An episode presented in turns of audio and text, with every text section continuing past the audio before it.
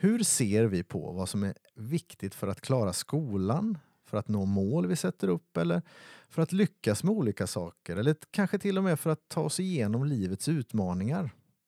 Är det kanske så att vi blir bombarderade med en skev syn på de här sakerna?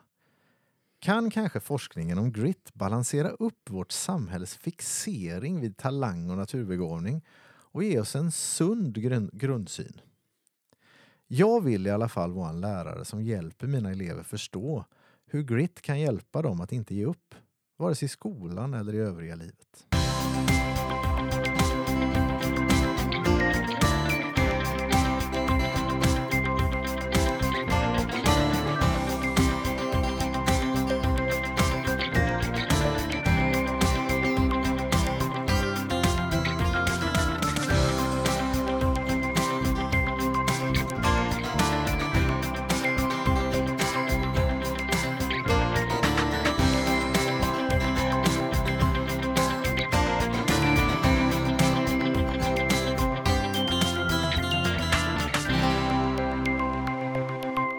Hej och välkomna till podden Jag vill vara en lärare som.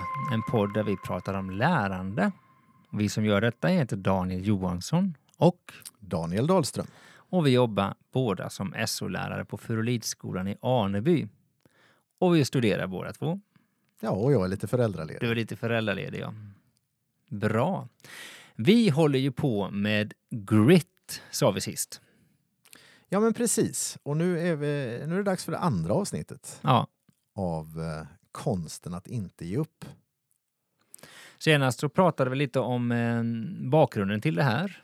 Mm, och Mm. definierade lite vad, vad grit betyder. Ja, Att det handlar om passion och uthållighet. okej. Och, och inte talang då. Nej, inte så mycket talang. Vad det nu är, kan man väl säga. Ja, för det här är ju något som vi har pratat om förut. Ja. Det här med talang och träning och sådär när vi har pratat om growth mindset och fixed mindset och, och sådär.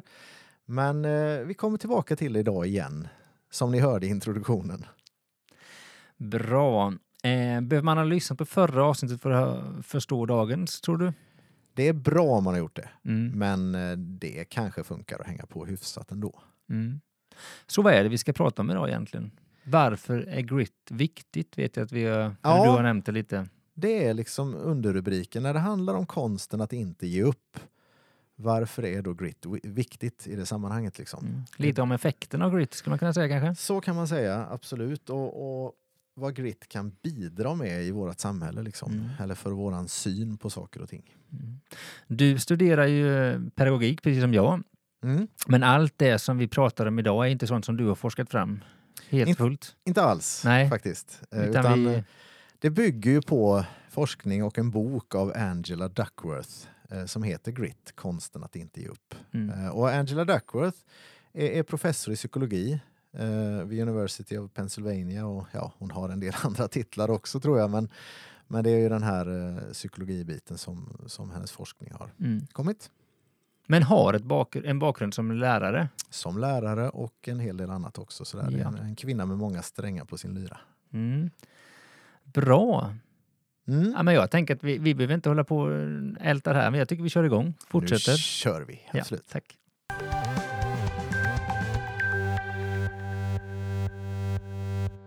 Ja, då ska vi alltså prata lite om varför grit är viktigt. Och jag tänkte så här Daniel, du är ju ändå den som kan mest just nu om detta. Så upplever jag Som det. vanligt, tänker Ja, jag. Men ja. jag vet inte. För att du har orkat läsa hela den tjocka boken. Eh, men börja lite med det här med grit och talang och Ja, men alltså, vi tycker ju om när vi hittar saker som säger samma sak som vi brukar göra. Nej, jag vet inte om det är så, men ibland kan man ju tycka att det är så kanske. Men eh, Angela Duck Duckworth eh, hävdar ju då eh, i sin bok att eh, vi i vårt samhälle idag, i vårt västerländska samhälle, är med hennes ord förledda av talang. Eh, Och det Mm. hon menar är att vi liksom har någon sorts sjuk fascination vid naturbegåvning och talang ja, som, som genomsyrar hela vårt samhälle. Sådär. Ehm, jag tycker det är lite intressant. och Vi, vi har ju berört det här förr. Men vi kan Mm. väl ta det lite grann ett varv till kanske. Utifrån vad hon skriver. mm, Eh, Och jag vet att vi nämnde förra gången att eh, hon hade själv en bild när hon jobbade i skolan att de elever som hon såg en talang i eller de som hade ett högt IQ eller sådär förväntade hon sig skulle lyckas bra. Eh, men hon blev lite förvånad över att det var inte det som var framgångsfaktorn där. Men det var hennes syn när hon började jobba där. Att de kommer ju att gå bra för, liksom, Mm. för de har ju talangen. Eh, och ett citat från boken som jag tycker är ganska bra här är Varför antar vi att det är vår begåvning snarare än våra ansträngningar som avgör var vi hamnar i det långa loppet? Hon menar på att väldigt många människor i, idag i vårt samhälle förklarar personers framgång med deras begåvning. Att det är det som definierar det, hur det kommer gå för oss och vad som kommer hända. Mm. Det där är ett jättesamtal, eh, samtalsämne tänker jag, vad det är som Mm. gör att det blir så. Och jag vet inte om vi ska fördjupa oss i det nu, men eh, jag Nej, men ta gärna lite Nej, men jag spontana. tänker att det finns en fascination över eh, i, i hela historien tänker jag det här att det är lite övermänskliga. Alltså vi fascineras ofta av superhjältar och det finns gudasagor redan i Grekland då va. Och att då kunna ha någonting att se upp till, någonting att idolisera lite, eller man ska säga. Jag tror att det ligger väldigt nära till hands. Och jag tänker lite, idag finns det jättemånga program på tv där, som handlar om att bli upptäckt. Så. Eh, och jag stöter ibland på det hos elever som knappt tycker att varför ska jag plugga, jag ska ju vara med i Idol sen. Ungefär den så. Eh, och många av de här programmen går ju, går ju faktiskt ut på att upptäcka folk som kanske har tränat i jättemånga år, men det syns inte utan det blir lite flashigt kring det här att faktiskt bli upptäckt och få de här golden eller vad heter det, de här, det Ja. exploderar med, På Talang, ja, detta så. program Ja, och de har, ju, så. de har ju tränat i många år, de som står där och jonglerar på spikmattor och allt möjligt. Eh, men det finns någonting eh, fascinerande i det här liksom att kunna sätta... Ja, det är lite ouppnåeligt och det blir som en dröm lite. Jag hamnade faktiskt framför Talang här för, eh, ja det är ganska många veckor sedan nu men eh, man måste ju det ibland sådär med barnen, titta på något eh, på kvällen sådär. Och, och då var det en liten tjej, en sexårig tjej som kommer fram och drar 600 decimaler på pi.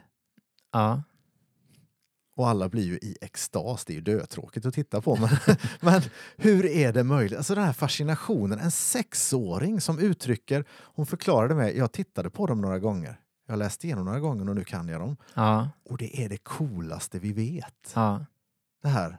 Ja, men det är som du säger, det är nästan lite övernaturligt på något sätt. ja. Den här begåvningen, liksom, den här naturbegåvningen. Hon har inte gjort någonting nästan för att kunna det här. Liksom. Mm, Och då är det det coolaste. Liksom. mm. Eh, ja, Det går ju också att gömma sig bakom det här med talang på ett sätt att nej, jag behöver inte anstränga mig för jag har ändå inte talangen. Att just det. det är ju den andra sidan av det lite. Att jag tycker inte det här är roligt men det spelar ingen roll för jag kommer ändå inte lära mig det. det så, så är det ju en, en väldigt tydlig baksida av det här synsättet. Att man kan, man kan ju spendera ett helt liv eh, med att leta efter sin hemliga talang. Ja, Men det dök aldrig upp. nej. Nej. Ja, ja, men. Det, det finns väldigt mycket här som är intressant. Men en, en annan aspekt av det är ju som jag vet också vi har berört någon gång. Det är ju det här med att det blir lätt en, en självuppfyllande profetia. Det här med de vi ser en talang i Ja, tidigt. ja vi, Små vi nämnde barn, det sist. Ja. Och, och, ja, jag vet du var inne på det då. Jag bara tänkte jag skulle nämna det igen. Alltså, det är så lätt att det blir så att den personen får extra mycket stöd, extra mycket uppmärksamhet, extra mycket träning. Påläggskalv. Ja men eller hur, en riktig påläggskalv. Ja, men lyfts upp i ett högre lag, får spela extra mycket matcher, får spela, eller du vet sådär. Mm. Och så visar det sig att den som var en talang tidigt blir ju också bra. Mm. Nej, den Ja. har ju tränat dubbelt så mycket också Ja. för att den har fått chansen tidigt och man har Ja. sett den. Och det här med, med alltså kraften i förväntningar har vi pratat om många gånger också. Och när man ser en talang tidigt så förväntar man sig att det ska gå bra. Det är det den personen får höra hela tiden och sådär. Mm. Och så går det bra. Mm. Men var det talangens förtjänst egentligen eller var det allt det andra Mm. som kommer med det här synsättet? Ja, det finns mycket här som, som eh, man kan fundera på och Angela Duckworth säger att när vi enbart riktar strålkastaren mot talangen riskerar vi att allt annat hamnar i skuggan. Ja. Och det är det hon vänder sig mot. Ja. Liksom. Eh, Och, och om allt fokus är på begåvning, säger hon, så gör att, det gör att vi missar något som är minst lika viktigt och det är ansträngningen. Mm. Så där är liksom hennes infallsvinkel här att vi kan inte bara prata om talang och naturbegåvning för då missar vi det viktigaste som hon har hittat i sin forskning. Ansträngningen. Liksom. Mm. Så det, det här, vi kan väl se det här som en liten inledning och en liten koppling till annat vi har pratat om. Men det är något som Angela Duckworth lyfter fram väldigt tydligt. Alltså det här att vi, vi får inte vara så här galet fascinerade av talang längre. Vi måste se det lite större. Och jag tror det gäller våra elever, våra barn, oss själva också. Så eh, första uppmaningen där. Mm. Bli inte förledd av talang. Mm. Eh, jag tror det där är jätteallvarligt, Daniel. Jag, vill inte, jag kan inte nog eh, undertrycka, vad säger man? Eh, understryka, Understryka. kanske. Nej, men just det här, för jag tycker så ofta jag hör elever som pratar om sig själv och som andra, som de som har det och de som inte har det. Och så har man liksom gett upp redan på för, förhand. Ja. ja men det, vi, vi, vi tar med oss det. Bra, men vi stannar inte där.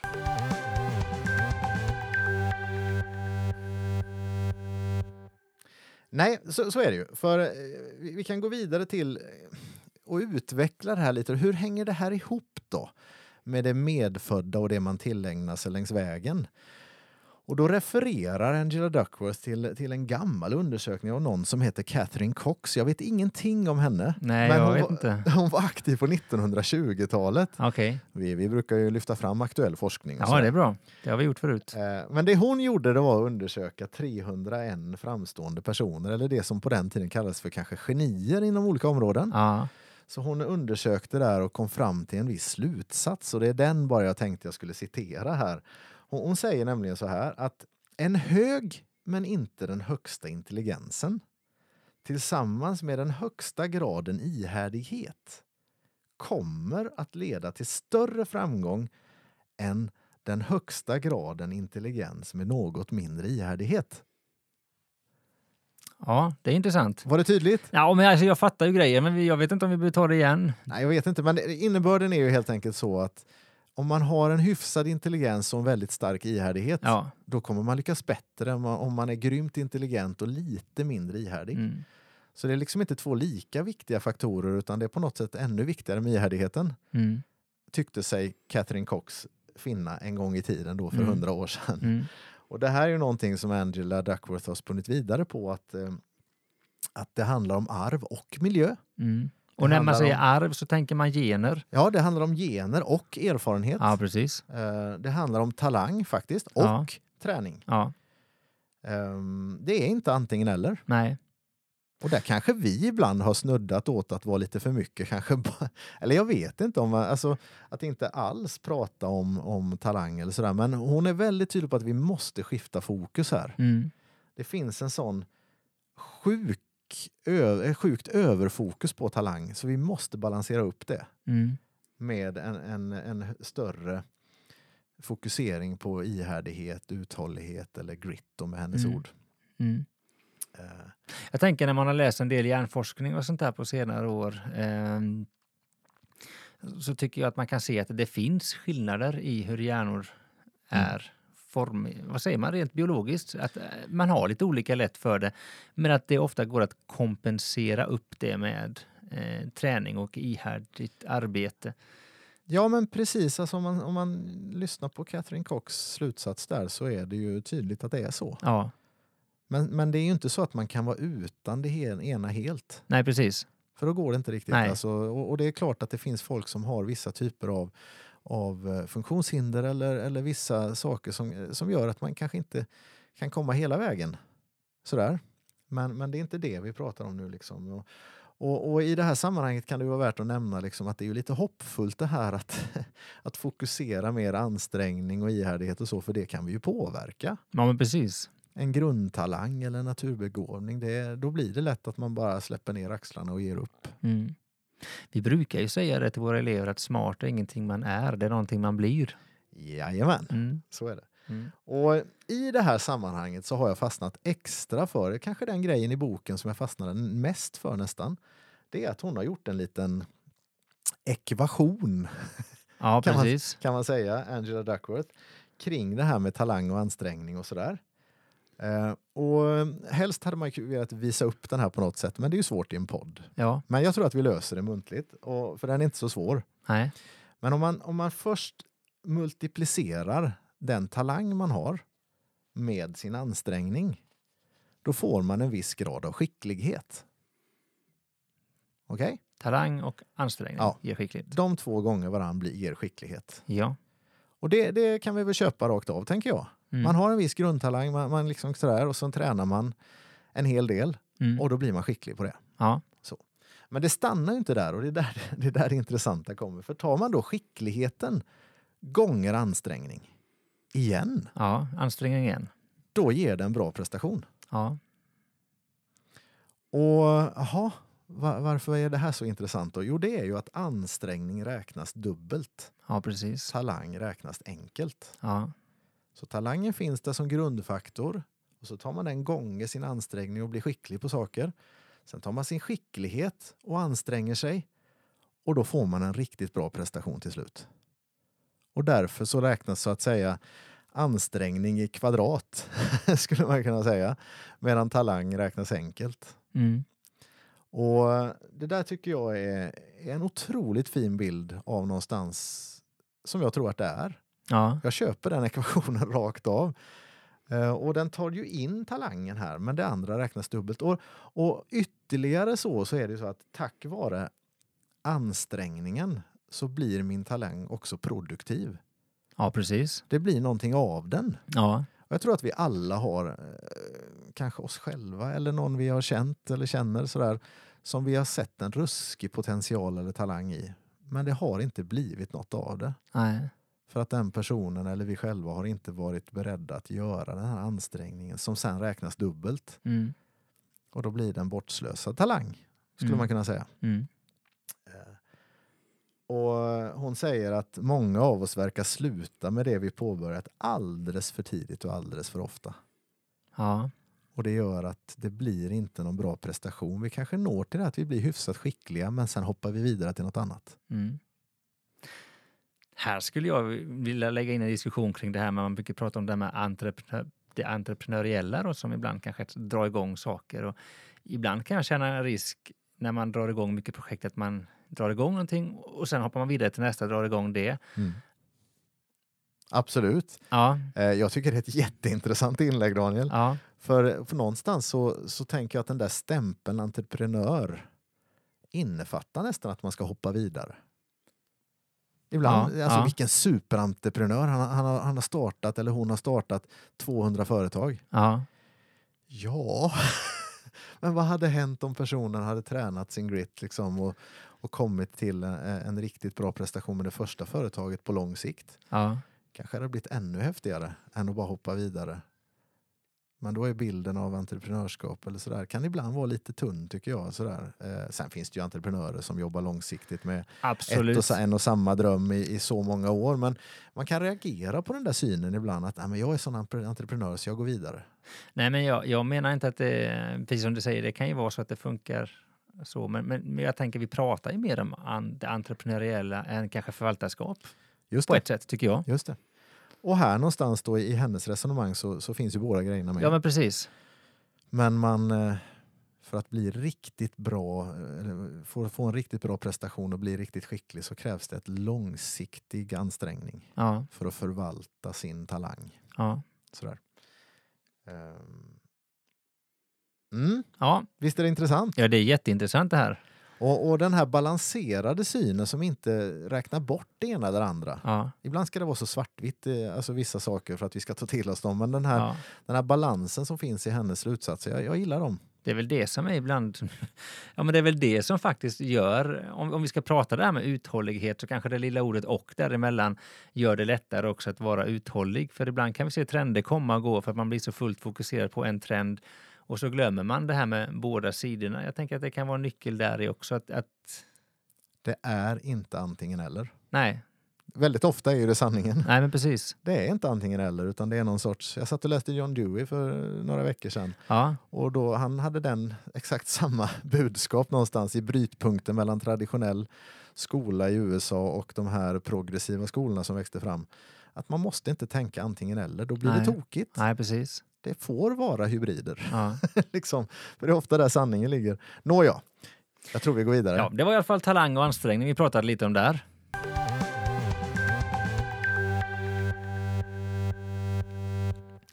Och nu då så tänker jag att eh, nästa ingång på det här med varför det är viktigt med grit och varför det är viktigt med det här med konsten och inte ge upp.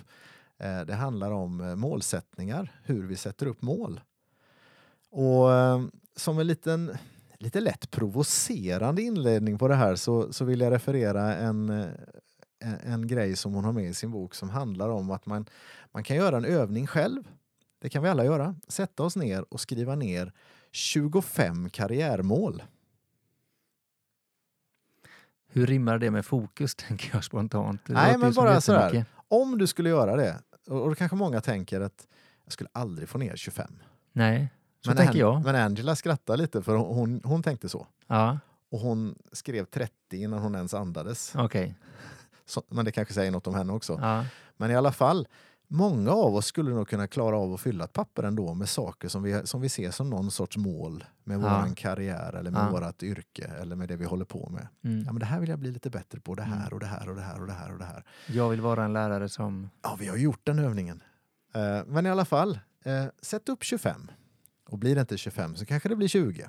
Men Ja. sen är ju nästa steg att ringa in de fem viktigaste. Mm. Och då börjar det bli, då börjar det bli svårt. Mm. Hur väljer man bland alla dessa mål? Men det menar hon på att det kanske man ändå kan göra om man liksom är lite så här då.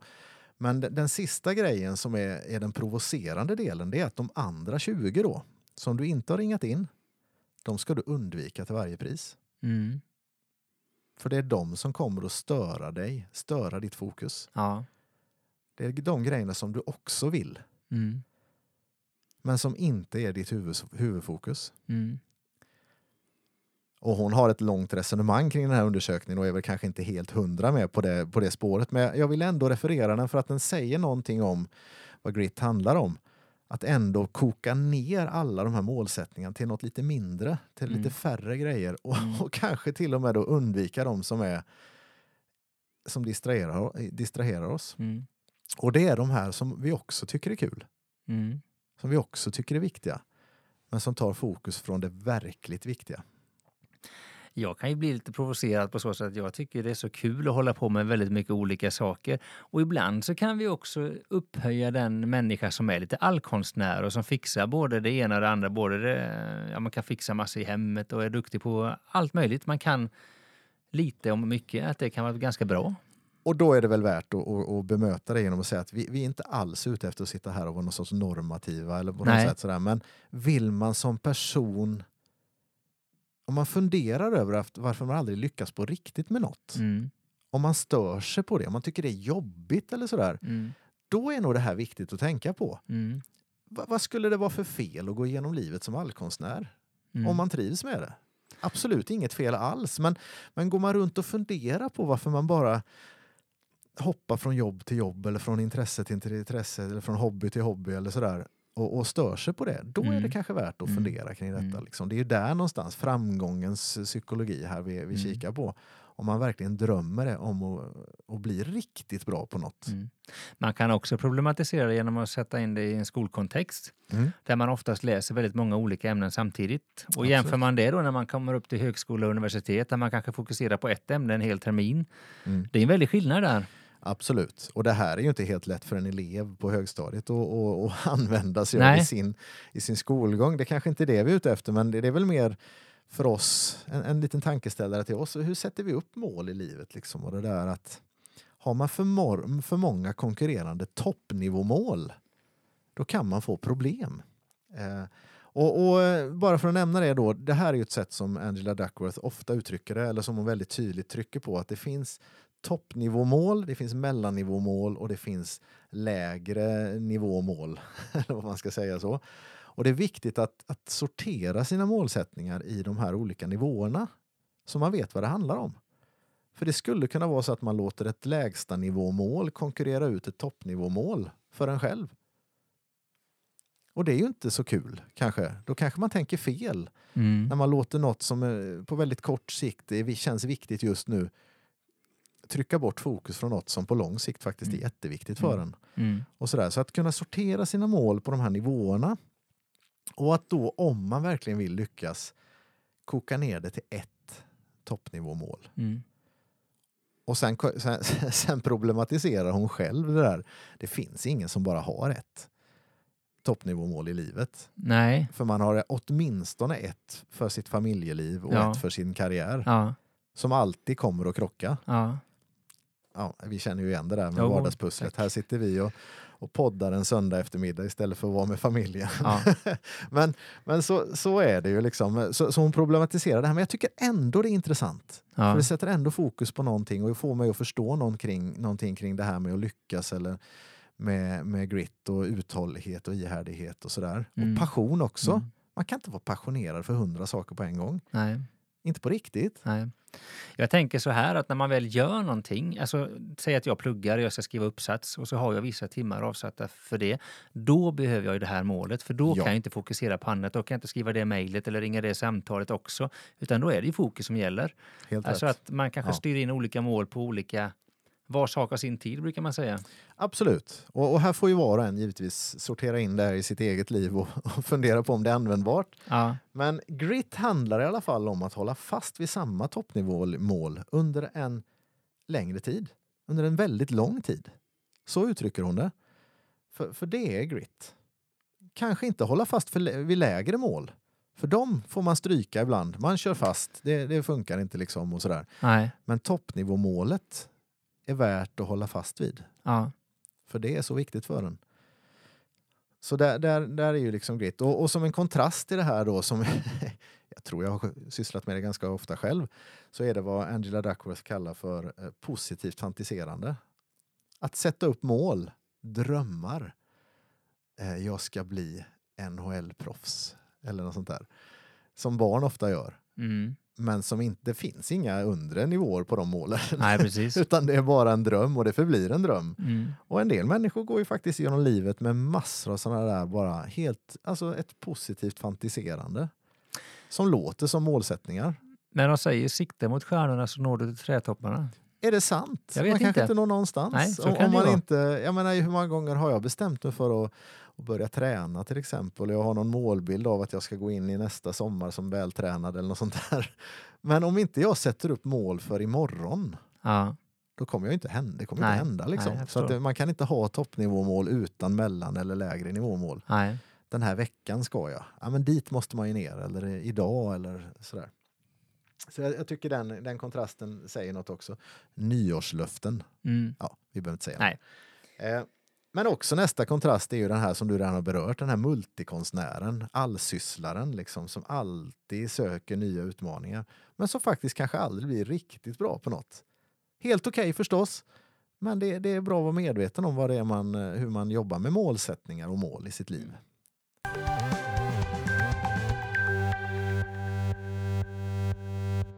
Och till slut då, tänker jag, att vi kopplar lite till growth mindset igen. Varför inte? Dynamiskt tänkesätt, eller hur är det översätts? Ja, Eh, för kopplingen som Angela Duckworth gör är eh, att det är det bästa sättet att bygga grit. Det är att, att, det är att jobba med growth mindset-tänkande. Liksom. Att lära sig om hur hjärnan funkar.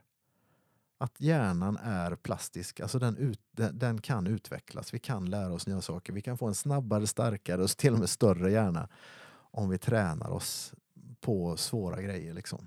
Och våga ta oss an utmaningar och sådär. Att ha grit är att falla omkull sju gånger och resa sig åtta. Ett sånt där eh, tankesätt. Och liksom att jobba med sitt mindset sådär.